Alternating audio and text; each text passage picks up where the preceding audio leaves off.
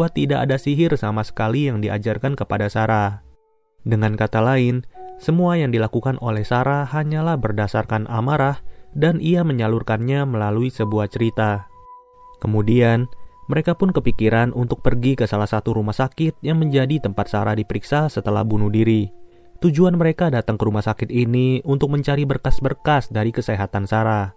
Pada akhirnya, mereka pun diberitahu bahwa data berkas pasien 100 tahun lalu berada di ruangan yang bernama Red Room.